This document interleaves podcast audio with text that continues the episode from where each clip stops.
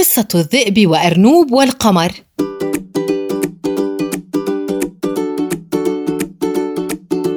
كان الذئب سامي يخرج في كل ليلة إلى الغابة وينظر إلى القمر في السماء ثم يهوي بصوت عال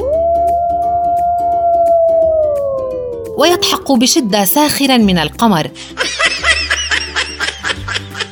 حيث يقول له الذئب سامي أنت تدعي أنك أفضل منا لأنك عال في السماء ولكي نتحدث إليك علينا النظر لأعلى ولكنك في الحقيقة بطيء الحركة وضوءك ضعيف لا يملأ كل الغابة.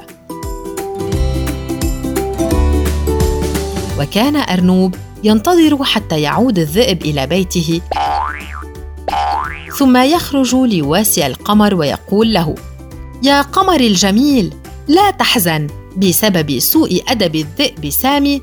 أنت رائع وضوءك الأبيض يشع في عذوبة. إن سامي لا يعرف شيئا عن الاحترام.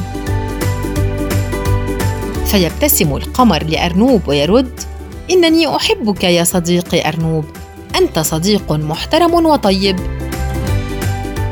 ثم يقضيان بعض الوقت يتكلمان ويلعبان لعبة الضوء حيث يجلس أرنوب عند النهر ويقوم القمر بعكس ضوئه فوق مياه النهر ويحاول أرنوب أن يمسك بضوء القمر وهكذا في كل ليلة وحتى قبيل الفجر.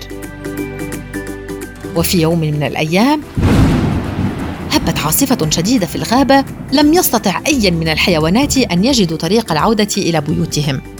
وهنا تدخل القمر واستجمع كل ضوئه في خط ضوء واحد شديد القوة ووجهها نحو أرنوب حتى ينير له طريق العودة إلى المنزل بينما بقي الذئب سامي يصرخ ويطلب من القمر أن ينير له حتى يتمكن من العودة هو أيضا إلى بيته ولا يضيع في العاصفة.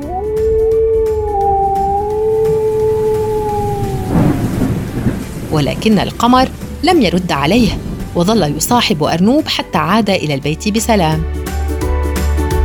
هنا عرف الذئب خطأه وتعلم قيمة الاحترام وأهميتها. وفي الليلة التالية عندما انتهت العاصفة نظر الذئب سامي إلى القمر واعتذر له عما بدا منه من سوء معاملة وقلة احترام ووعده أن لا يسخر منه مرة أخرى.